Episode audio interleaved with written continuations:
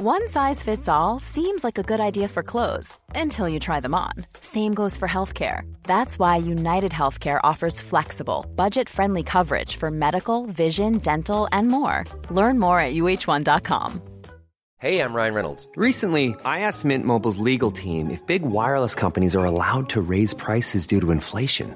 They said yes. And then when I asked if raising prices technically violates those onerous two year contracts, they said, What the f are you talking about, you insane Hollywood ass?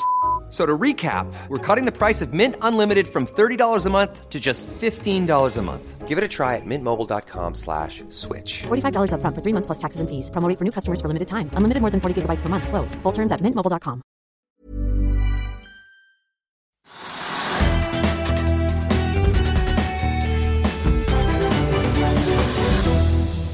Velkommen til Økonominyhetene i dag, fredag. I dag så har vi snakket med børsnykommer Ottovo og konsernsjef i selskapet Andreas Torsheim. Vi skal også ha oppsummert hvor vi ser på noen av ukens viktigste saker. Og i dag så vil vi ha fokus på hyttemarkedet og koronautbredelsen akkurat nå. Før vi går til Oslo Børs, så skal vi se på noen hovednyheter. Blant annet så skal vi innom at hovedaksjonær og gründeren bak Tesla, Elon Musk, som akkurat nå er rangert som verdens rikeste person med en formue på svimlende 200 milliarder dollar, mener det er litt bedre å eie bitcoin enn det er å eie kontanter. For halvannen uke siden så kjøpte Tesla bitcoin for 1,5 milliarder dollar, og i dag står bitcoin i 52 700 dollar. Det er om lag 1000 dollar mer enn da vi hadde sending i går. Ferske tall fra Boligprodusentenes forening viser at salget av nye boliger i januar ble 27% høyere enn samme måned året før. Salget av leiligheter og eneboliger ligger på henholdsvis 51 og 16% høyere enn fjoråret, mens salget av småhus ligger 12% lavere enn januar i fjor. Norske Skog tar det australske biokjemiselskapet Circa Group på børs. Interessen for emisjonen var sterk, med en overtegning på 15-gangen. Norske Skog stiger 5 i dag. Vi tar også med at vi har to nykommere på Euronext Growth i dag. Det er solcelleselskapet Ottovo, som vi også har intervju med litt senere i dagens sending. I tillegg så tar NRS datterselskapet islandske Arctic Fish på Euronext Growth i dag. NRS har også meldt om mulig la på en lokalitet i Korsnes. Det er om lag 800 000 fisk på lokaliteten med en snittvekt på to kilo. Gårsdagens nedgang har snudd til oppgang i dag, Trygve. Skal investorene ut og gjøre de siste og viktigste handlene før de tar vinterferie? Det vet jeg ikke. De som er ivrige på å kjøpe, kjøpe og selge aksjer, de er nok med i markedet også i vinterferien. Så, men det kan godt tenkes at volumet går litt ned, det vil jeg tro. Altså Folk slapper litt mer av. De som da kanskje ganske aktive i markedet, de vil da finne ut at de gidder ikke handle på tirsdag og onsdag, det er fint vær og går på skitur og sånn. Markedet går, altså markedet går ned, vet jeg ikke, men volumet går langt ned, tipper jeg. Ja, og markedet i dag er opp 1, 1%. Og det er flere av de aksjene vi snakket om i går, som vi finner også på vinnerlisten i dag.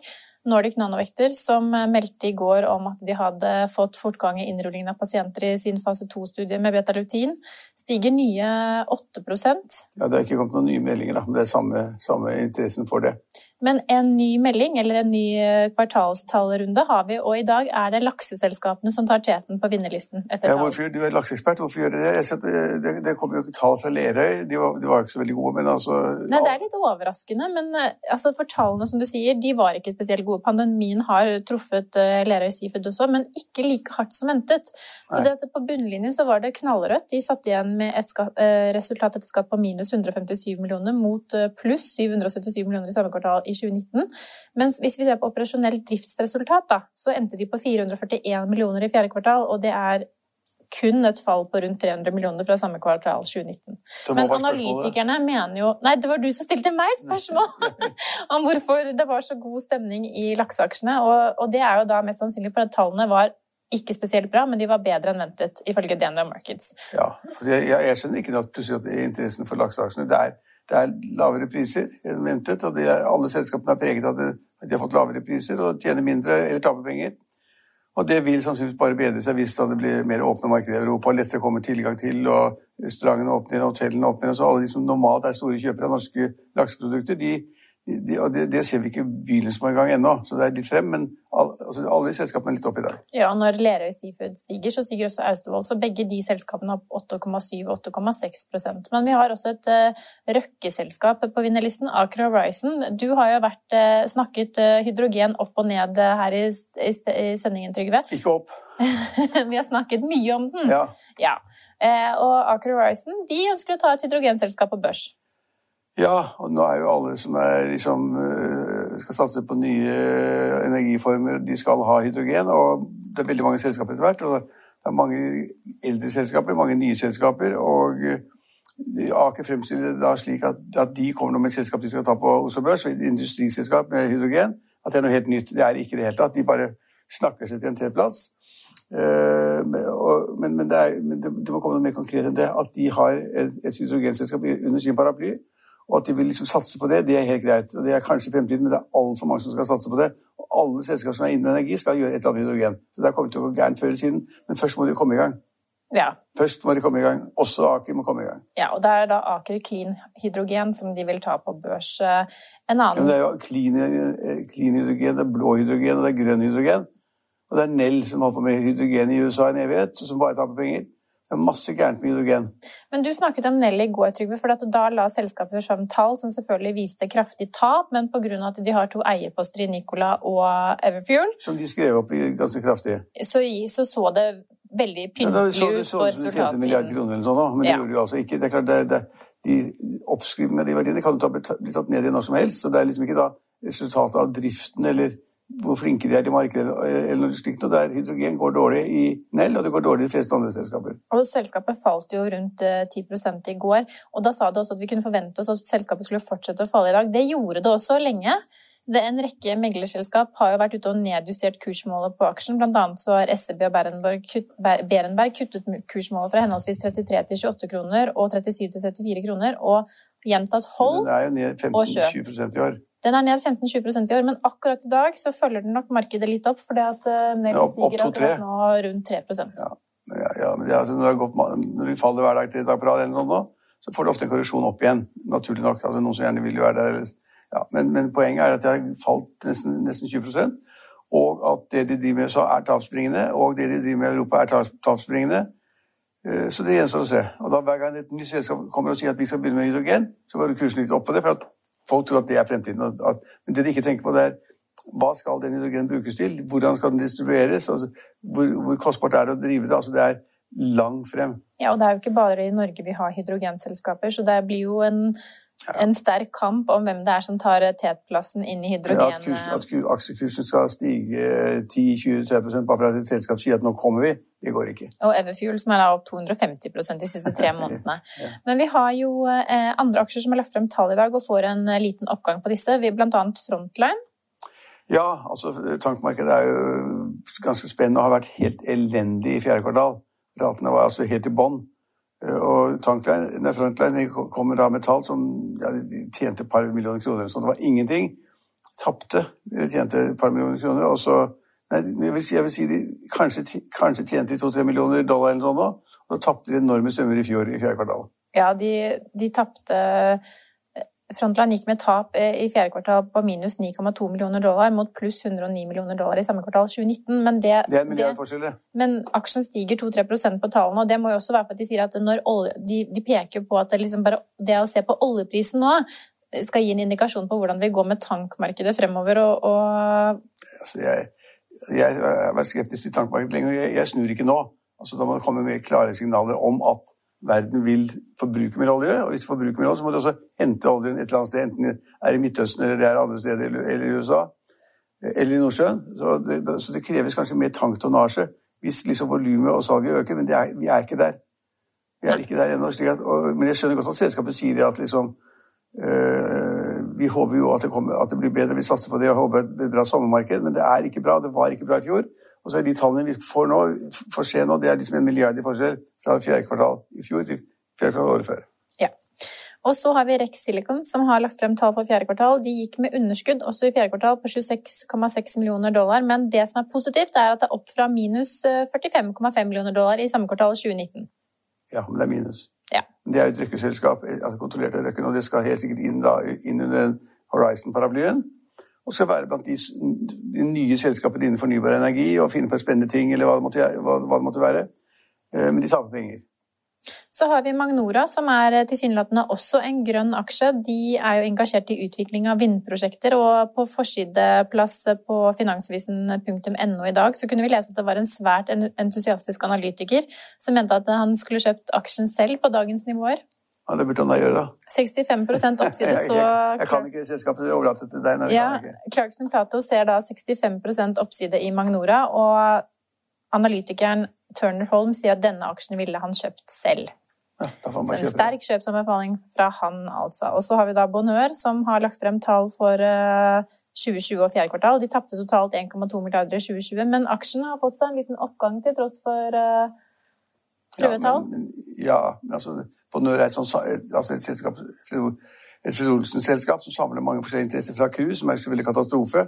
Eh, nå husker jeg ikke hvor mange skip de har, men det er tre-fire skip eller noe sånt. De tapper en katastrofe på cruise, som alle, alle andre. Og så har de vært inne i vindproduksjon i, utenfor Skottland i lang tid, og de har planer om å få solenergi på havet. Sånn. Ja, så, men altså, Bonheur, eh, når de taper over en milliard kroner, så ville jeg blitt, blitt litt nervøs. Eh, Og de sier at eh, belegget på cruiseindustrien er bedre i fjerde kvartal og første kvartal eh, 22. Det er helt riktig. Eh, Men altså, det er Olsens selskap, og de taper masse penger. Ja. Så har vi denne børsnykommeren som vi snakket om innledningsvis her, Ottovo, som faller i dag. Topper taperlisten ned 16% Ja, altså hvis jeg liksom De driver med sånn produksjon av, av solenergi fra tak, altså i huset ditt eller et annet sted. Og, og eh, det er masse kjente investorer der inne, blant annet sjefen i Aker. Eh, ikke Røkke, men Øyvind Eriksen. Øyvind Eriksen er der inne, og det er mange andre sånne småkjente investorer. Sæter fra Fredrikstad, og, som syns det er veldig spennende. Det høres veldig interessant ut at du kan produsere da eh, den energien du trenger selv, lyset og strømmen og til TV-en, få taket, ditt eget tak. Eh, Men det går sakte fremover. Men eh, ja, Selskapet er vel priset til et par milliarder kroner eller sånn nå. Men det folk ikke har fått med seg, er at de ble notert nå for første gang. Og det har vært en unotert notering ganske lang tid.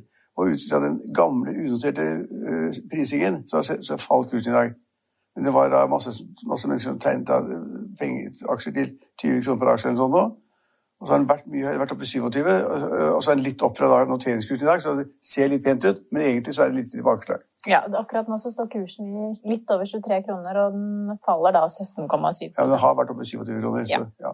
Eh, Så har vi også Fjordkraft, som følger tett etter på taperlisten. Men selskapet, selskapet liksom er sånn, forundrer meg litt av liksom, Det er noen selskaper som blir veldig populære, sånn pop. ja. Og da kommer det løpende masse investorer som da kanskje ikke egentlig er der inne for å investere penger, men kanskje skal kjøpe seg solceller til eget hus, eller de syns det er veldig spennende at man kan produsere den type energi fra Ja, og nå sier vel Otto litt senere i sendingen at de skal inn i langt flere land og legge Europa for sine føtter, men det er jo selvfølgelig noen land som har litt mer tilgang til sol enn kanskje Norden, da. Ja, I hvert fall mer enn Norge akkurat nå. Ja. Vi var veldig heldige da i hele nesten januar og begynnelsen av februar med sol, men det er klart at nå har det blitt litt gråere og tristere ute, men vi får håpe at det snur snart. I'll see you in court. Vi sier det ofte litt på spøk, men for deg som driver business, er det aldri moro å innse at du ikke har laget en 100% gyldig kontrakt. Du bør ikke risikere hele firmaet ditt fordi du synes dette med kontrakter er litt stress. En avtale er ikke en avtale. Du kan miste kunder, miste venner, ja, til og med miste inntekter om du ikke lager en skikkelig kontrakt, på alt mulig, egentlig. Men vi vet det er et styr. Kopimaskiner, tregprinter og haugevis av papir. Dessuten stoler vi jo på folk her i landet. Det er ofte litt kleint å skulle be om en signatur for alt mulig, ja, for mye av styret handler også om jakten på underskriften. Det finnes en enkel måte å løse dette på, Dukkobit, en trygg, effektiv og get this, gratis måte å sikre seg en god natts søvn pluss en juridisk bindende avtale. Dukkobit-appen har de strengeste sikkerhetskrav i bunn, samt en EU-godkjent og sertifisert teknologi. Framover vil det bli behagelig å spørre du, skal vi skrive under på det, eller? Kom i gang på dukkobit.no.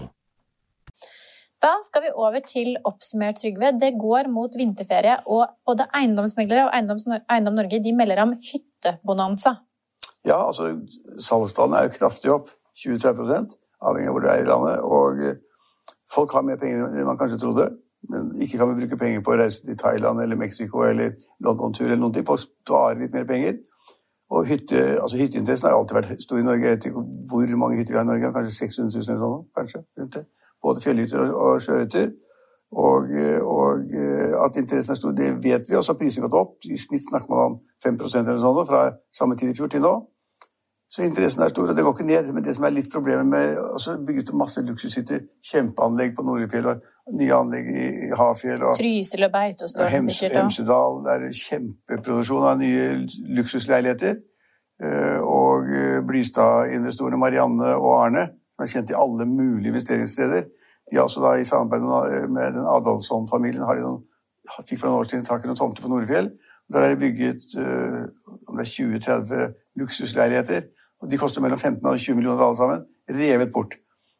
Så dyrehytter går, alminnelige hytter går, og alminnelige er sånn 3-4 millioner hytter. Og folk vil ha egne hytter i Norge, og de vil være der i vinterferien, sånn som nå.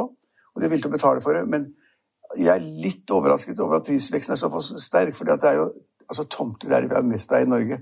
Du kan bygge hvor du vil. altså og, og på, på Sjusjøen skal da Bjørn Dæhlie sammen med kompanjonger bygge da leiligheter som er stoppet opp, for de hadde ikke vannforsyning og de hadde ikke i, eh, noen ting i orden med infrastruktur. Så var de uenige med kommunen. Og nå har de begynt å bygge uten å bli enige med kommunen. De bare bygger. De regner med at eh, de blir enige med kommunen, og de regner da med at de får solgt det med en gang. Kjempeinteresse. Interessen er stor, men det er uendeligheter av eh, områder å bygge på. Så det kjempesprangene kan det ikke bli. Så jeg tror at Jeg deler jo på en måte litt, eh, litt samme oppfatning som deg, men det er jo mer på sjøhytter er det ikke så uendelig mye, mange tomter å ta av? vel? Nei, nei, det er stor forskjell på det. Altså, det så på fjellet er jeg enig at der har vi vidder du, bygge, du kan bygge innover, og der er det bare kommunene som setter reglement altså, på hvor du får lov å bygge. Men, men på, langs sjøen Der snakker, kommer det ikke mye nytt. Nei, for Du snakker jo om en gjennomsnittlig prisøkning på 5,5% i fjor, mens på sjøhytter så var jo prisene opp 11,5 ja. og da begynner det å koste Jeg, jeg mente, presiserte ikke nok. Altså, at På fjellet er det nok tomter å ta. De bygger masse overalt, som jeg nevnte de stedene. Men ved sjøen er det knapt mulig å bygge etter hvert, så der er det liksom da verdiene for, i snitt for sjøhytter vil jeg tippe veksten i prisen vil bli mye høyere der i sommer sammenlignet med fjor enn det har vært i fjor på fjellet sammenlignet med nå. Ja, og En typisk hytte som du er inne på, koster rundt 2,5 millioner kroner. Er sikkert eh, i praksis nærmere 3-4 millioner kroner. Mens en uh, gjennomsnittlig hytte i Færder eller Lillesand koster hele 7,1 eller 7,6 millioner ja, kroner. Det blir, liksom det blir jo ikke mer tomter da. Det blir ikke mer arealer, arealet blir ikke større areal langs sjøen, så det blir ikke mer. Så. Men vet du hvor mange hytter som ble omsatt i fjor, da? Nei, altså i, i totalt sjø, og, sjø og, og, land, eller? Ja. Fjell og land og sjø og 89 000? Nei, nei, nei. Altså, vi har total Nei, nei, det er altså det, det, det ble omsatt 728 hytter over 700 hytter? Nei, nei, nå var det jeg som skulle konkretisere spørsmålet. Over 5 millioner kroner! Ja, over 5 millioner kroner. Ja, ja, det, altså det. Men det er jo en økning på nær 80% da, fra året før, så Ja, men det er en økning, for folk har mer penger. Og de bruker det ved å kjøpe hytter, kjøpe bedre biler, båter. Eh, gå på, på, på sånne senter hvor de kan kjøpe nye dører og vinduer og pusse opp og legge nye gulv og alt mulig. Folk bruker penger hjemme hjemme. Og så går de på kjøpesentrene, matsentrene og kjøper mat. Ja, Og det der koronarallyet vi ser nå i hyttemarkedet, det tror du ikke slutter med det første, eller? Det syns jeg er vanskelig å si. altså Hvor raskt det slutter. Men altså, interessen for disse har vært stor lenge før korona. Og så har det blitt litt ekstra nå fordi folk har litt mer penger, så vil gjerne bruke det på det som er sikkert. Hytte på fjellet er sikkert. Men du får altså, heller ikke reist i utlandet? Nei, Hvis du reiser til Frankrike, så vet du ikke om det, er, om det er portforbud, du vet ikke om du kan få lov til å reise dit uten karantener. Hytte på fjellet, hytte ved sjøen, det er liksom sikkert og norsk. Og det stiger da med en prisvekst på 4-5% hvert år. Kanskje er du heldig, så får du 7 ved sjøen altså, Jeg skjønner at folk bruker mer penger på det, men det er klart at etter hvert som hvis da Europa åpner opp, hvis USA åpner opp, så vil jo flere folk reise mye mer. og Da har de litt mindre penger. Hvis de reiser til Thailand og koster 30 000 kroner, eller Dubai koster 10 000 kroner, så blir det penger av hvis du er fire. Og Hvis de kan bruke litt mer penger ute, så vil de bruke litt mindre penger hjemme. Kan du se for deg at hvis vi nå får en gjenåpning av samfunnet og økonomiene, og det blir åpne landegrenser og vi kan reise igjen, kan du se for deg at vi kan få noe type krakk i hyttemarkedet? Nei, fordi vi er hyttegærne. Altså, alle norske familier skal ha en hytte, og jeg husker ikke tallet helt. Et eller annet sted mellom 500 000 og 600 000 hytter er det vi har i Norge. Og det bygges nytt hele tiden, og alle sammen blir solgt. Har, har, du hørt om en hytte som er usolgt et eller annet sted? Nei. Hemsedal, Kvitfjell, Havfjell, Havfjell Nå, nå nevner du krem de la krem-lokasjonene her, da. Telemark, der hvor som helst, hvor, hvor, hvor det måtte være. Hyttene blir solgt. Ingen står, ingen står usolgt. Men det som er litt morsomt, er at det, det, er åpenbar interesse for hytter nå inn mot vinterferien. Neste uke er det vinterferie. Den starter vel strengt talt i dag. I dag er sikkert masse kø til å byen. Selvfølgelig. Men det som er litt morsomt, er at vi snakket jo om hvordan det kom til å bli etter juleferien. Etter eh, juleferien fikk vi en oppgang i smittetallene. Nå går vi inn i vinterferien med nytt smitteutbrudd blant barn og unge på Oslo vest. Vi har satt ny smitterekord i Kristiansand, og smittetrenden i Oslo er stigende. Et godt utgangspunkt for vinterferie, Trygve? Nei, altså, det er sikkert bedre å være på fjellet enn å være i byen. Og så at det der, I Oslo var det sånn vestkantfenomen. Ullern, Frogner, der der hvor du bor. Eh, og du bor. Det er litt skummelt. Eh, det er litt skummelt, faktisk. Og tallene var på vei ned i Oslo, så har det gått litt fraset ut og litt, litt opp igjen. Det har gått kraftig ned i forhold til hva det var. Altså, den store resten er borte. Men det, det jeg hørte om i går, som var, så nesten ikke var sant, det var jo det at det var i Haugesund så har de et skipsverft, og der var det 1100 personer. Altså 1100 personer i karantene. Det er liksom hele verftet låst ned. Det er ingenting igjen. og det, det er fordi at I enkelte områder er det utbrudd, og så blir det masse smitte. og så er, vet ikke om det er innvandrere, altså innvandrerarbeidere som da på en måte bringer smitten inn, eller om det er andre. Uh, men altså, av de smittede i Norge så er halvparten innvandrere. Fordi de kanskje ikke skjønner språket, skjønner ikke hvor alvorlig det er, de bor tettere, har dårligere økonomi. Masse faktorer som taler for det. Uh, men, men Oslo skulle jo åpne opp, men turte ikke. De utsatte åpningen i Oslo i 14 dager. Andre kommuner har begynt å åpne litt. ikke sant? Det er liksom Opphevet skjenkestoppen, man får lov å ta en øl til maten. Uh, ungdom får lov å trene mer, men du får ikke lov å spille tennis. Eller jeg får ikke lov å spille tennis. Ikke kan vi gå på treningssentrene heller. Ikke kan vi på treningssentrene, Så det er masse som er eh, lukket ned fortsatt. og det, Jeg tror at det åpnes ganske raskt fremover. og det er jo, altså, Vaksineringen sies, sies jo i Norge å være elendig, det går så sakte.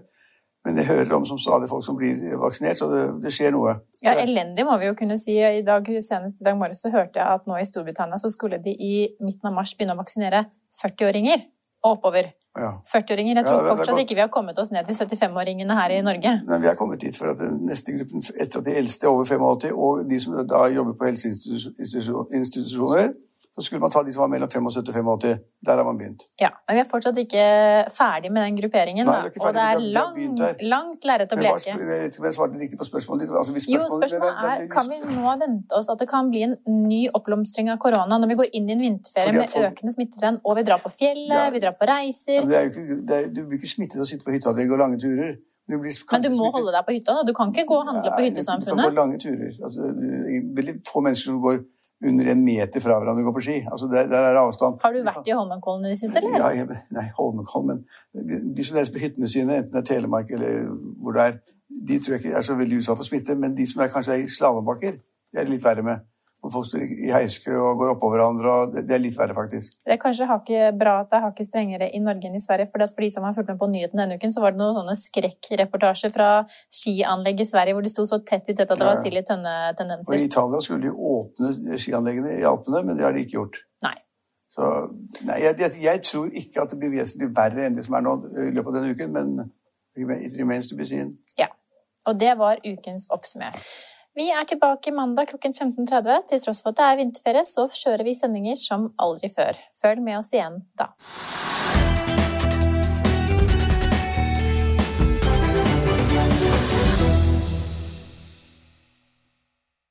Økonominyhetene er en podkast fra Finansavisen. Programledere er Marius Lorentzen, Stein Ove Haugen og Benedikte Storm Bamvik. Produsenter er Lars Brenden Skram og Bashar Johar. Og ansvarlig redaktør er Trygve Hegnar.